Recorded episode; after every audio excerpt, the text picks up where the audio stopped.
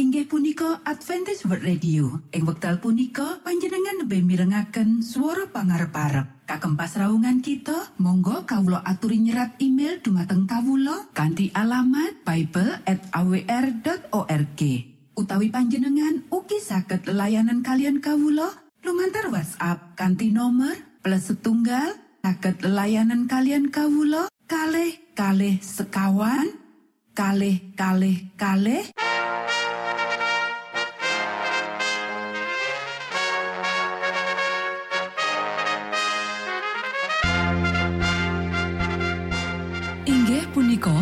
Adventist World Radio ingkang giaran kanti basa Jawi. Tentrem Rahayu Kulo aturaken kagem poro Mitra kinasih ing pundi papan lan panggonan. Sugeng pepanggian malih kalian Adventist World Radio. Kandi bingahing manah Kulo badi sesarengan kalian poro Mitra kinasih lumantar saperangan adicara ingkang sampun rinonci mligi kagem panjenengan sami. Mugi giaran punika saged migunani tuwin dados berkah kagem kita sedaya. Sugeng midhangetaken Gusti amberkahi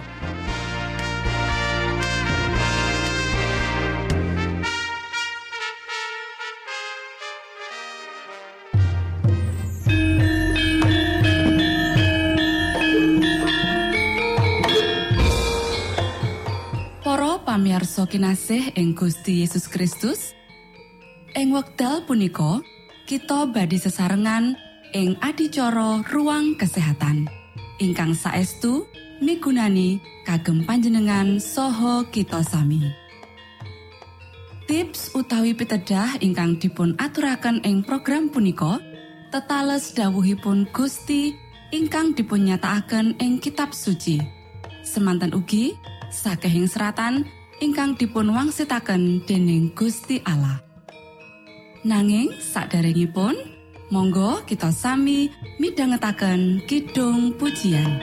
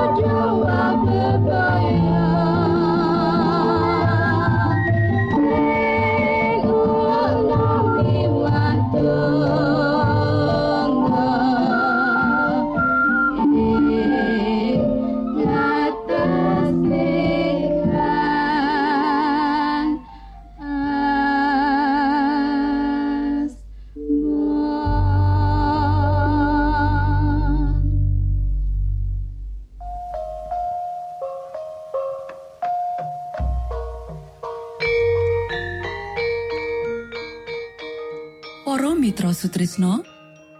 Puji syukur dumateng Gusti ingkang murbeng dumati ingkang sampun kepareng paring wewenngan kagem kita. Satemah saged nglajengaken ruang kesehatan. Pirembakan kita semangke kanthi irah-irahan. Kepiye ngrumat kesehatan?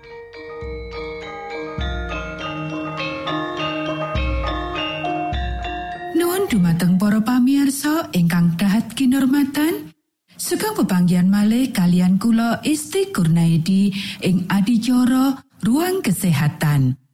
Ing dinten punika kanthi irah-irahan kepiye ngrumat kesehatan.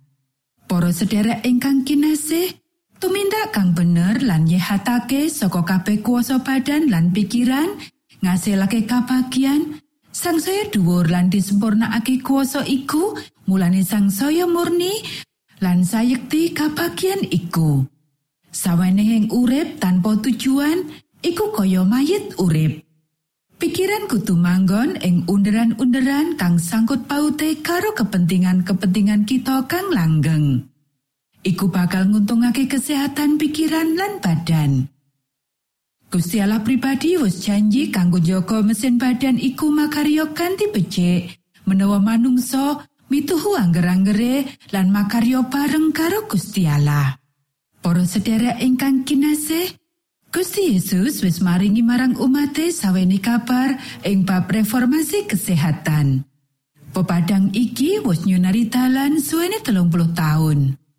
Apa dheweke bakal seneng nalika separo saka wong-wong kang makarya ing sawening papan mulangake menawa prinsip-prinsip kesehatan ana kayutane karo pawartan telu malaikat kaya cedake tangan ing badan duweni kanca pakaryan kang saka tumindake dheweke mulangake prinsip-prinsip kang cetha beda banget paseksen demi paseksen wis diwenehake kang kutune ngasilake reformasi gede. Pepadang kang wis Gusti Allah paringake kang kutune ngasilake reformasi gede.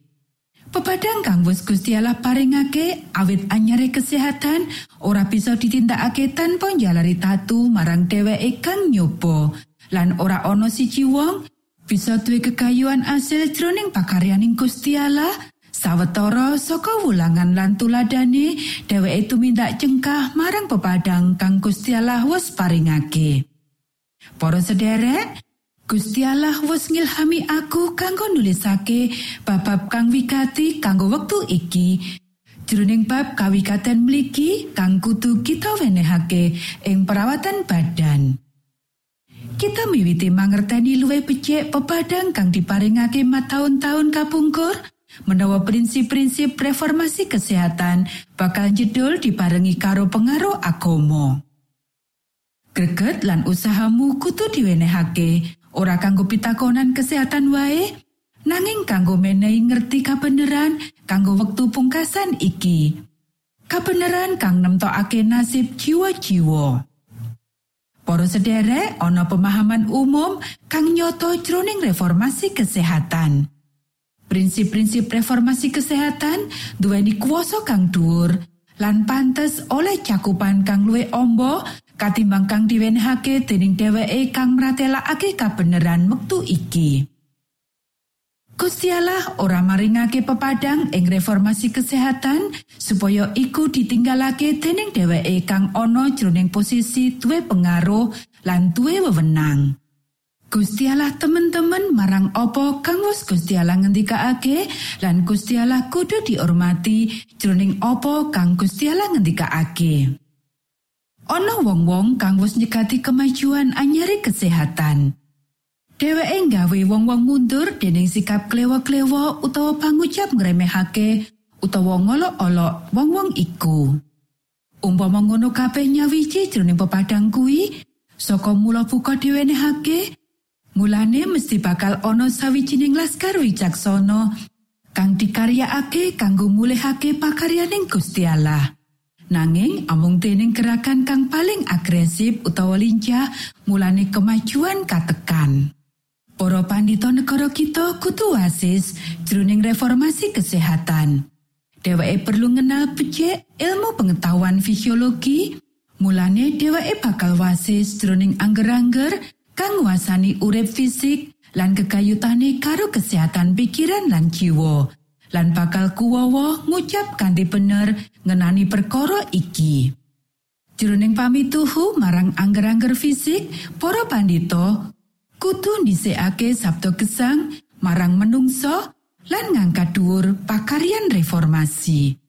Matur nuwun Gusti amberkahi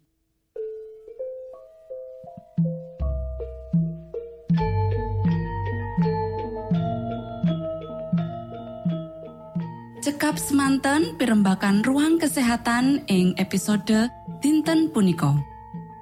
Ugi sampun kuatos jalaran kita badhe pinanggih malih ing episode sak lajengipun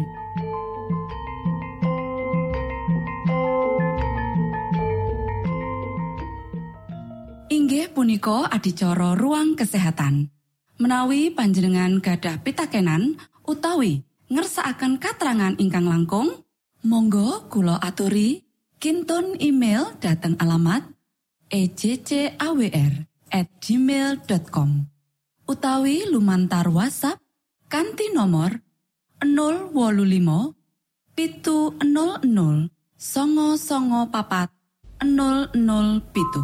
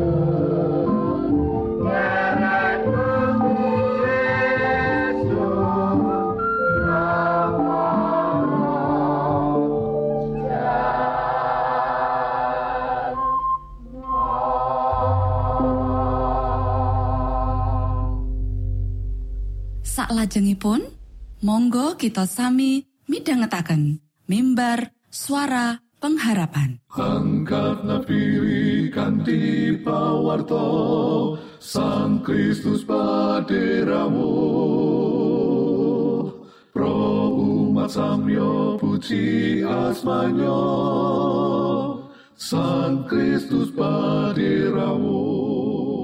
Inggih punika mimbar suara pengharapan ing episode punika kanthi irah-irahan. Prabu Nebukadnezar. Sugeng tondo Sang Kristus paderamu Ilmu kawero tambah tambah. Sang Kristus paderamu Paderamu Paderamu Sang Kristus paderamu Shalom para pamiarsa ingkang kinasih wonten ing Gusti. Sakmenika kita badhe mitangetaken renungan Sabto pangantikanipun Gusti. Ing dinten punika kanthi irah-irahan Prabu Nebukadnezar Para sedherek ingkang kinasih dadi warga gereja Masih Adventino Kapitu kita percaya apa kang kita kenal minangka panebusan kang tanpa wates. Iki minangka kosok wangsule saka saperangan denominasi Kristen liyane, kita percaya menawa setane Gusti Yesus kanggo kabeh manungsa. Ora mung golongan khusus saka wong-wong sing wis ditemtokake dening Gusti Allah kanggo kapitulungan rahayu. Siji Timotius pasal loro ayat papat. Kang ngersakake supaya wong kabeh padha kapitulungan rahayu lan pangawruhing kayekten. Para sederek, Gusti Yesus ngorbanake panjenengane piyambak minangka sawijining korban lan panjenengane iku kang dadi pangruwate dosa kita. Lan ora ngemungake dosa kita bae, nanging malah iya dosane wong sajagat kabeh. Siji Yohanan pasal loro ayat loro. Mula saka iku, saben wong kapilih awit sadurunge jagat katitahake, ia ana ing panjenengane iku Gusti Allah wis milih kita. Efesus pasal siji ayat papat. Malah menawa ora sekabeh wong milih panjenengane kang dadi walesane. Kuwi sebabe kita uga nemokake catetan-catetan kitab suci babagan maneka warna jinis manungsa kang dikayo kanggo Gusti Allah. Ayo kita waca kitab Daniel pasal papat ayat siji nganti telu. Saka sang Prabu Nebukadnezar marang wong-wong saka saking bangsa lan basa kang manggon ing salumaing bumi kabeh. Muga tentrem rahayunira saya wuwuh-wuwuha. Ingsun karso nyariosake pratandha-pratandha lan mujizat-mujizat kang wis katandokake marang ingsun dening Allah kang Maha Luhur. Saipo agunge pratandha-pratandane lan saipo anggone ngitapi-tapi mujizat-mujizate.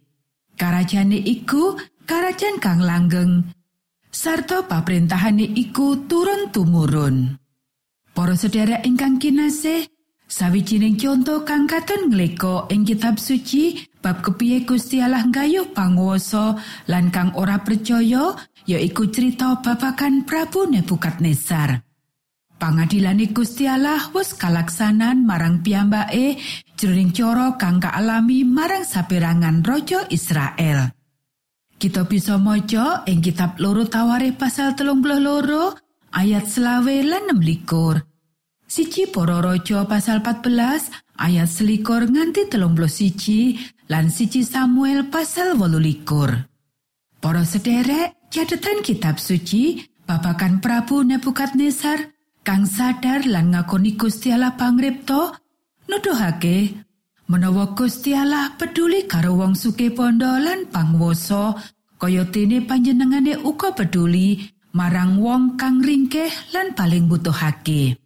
Ing ayat telung puluh pitu, wong kang paling kuasa ing jagat iki ngendikan. Ingsun Nebukadnezar Temengo marang langit sarta akal budi ningsun bali maneh marang ingsun. Ingsun banjur memuji marang Kang Maha Luhur lan luhurake sarta mulyaake kang gesang langgeng. Marga panguwase iku panguwaos kang langgeng. Tuwin karajane iku turun temurun. Daniel pasal papat ayat telung puluh pitu. Saumpama kabeh sing sugih panguwasa lan angko ing antarane kita minangka makhluk fana iki mangerteni kayektene. Para sedherek ingkang kinasih, apa sing kita sinauni saka cerita iki? Sepisan, Gusti Allah nggunakake wong kang percaya lan sumarah kaya dene Daniel kang dadi gretek kanggo gayuh wong-wong panguwasa sing ora percaya. Kapindone, Gusti Allah bisa cawe-cawe langsung ing sakjroning proses paseksi kanggo gayuh wong-wong panguwasa kang ora percaya. Nebukadnezar kaasorake dening Gusti Allah awit saka gumunggunge lan kaangkuhane. Senaosa iki cerita kang dramatis, akeh cara kanggo wong sugih, kuasa lan angkuh bisa kaasorake.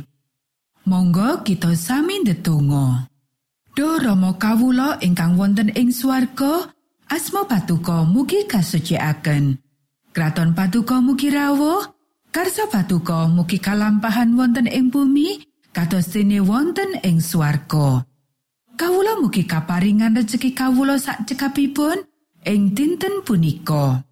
Saha patuko mugi ngapunten kalepatan kawula, kados dene kawula inggih ngapunteni tetiang ingkang kalepatan dhateng kawulo. Punapa dene kawulo mugi sampun ngantos katandokaken dhateng ing panggoda nanging mugi sami patuko uwalaken saking piawon. Awit dene patuko ingkang kagungan kraton saha wiseso tuwin kamulyan salami laminipun. Amin.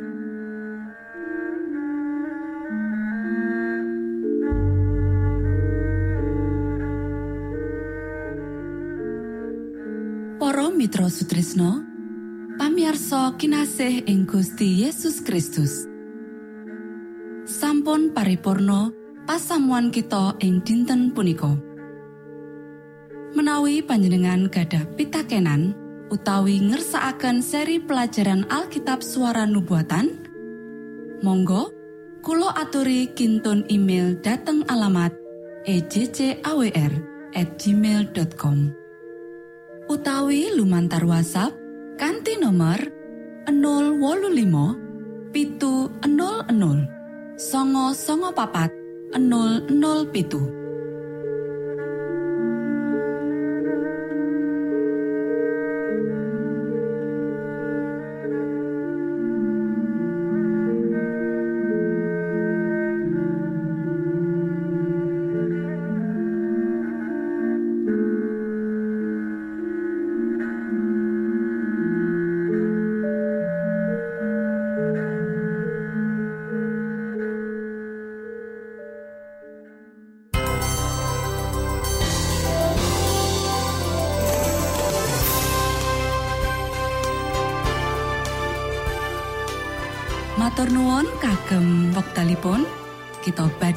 pinanggih malih ing gelombang ugi wekdal ingkang sami.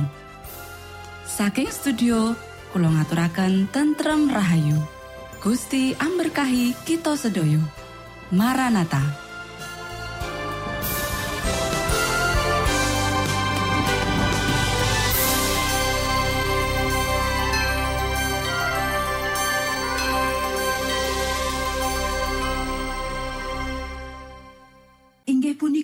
Adventist World Radio. Ing wekdal punika panjenengan lebih mirengaken suara pangarep-arep. Kagem pasraungan kita, monggo kawula aturi nyerat email dumateng kawula kanthi alamat bible@awr.org.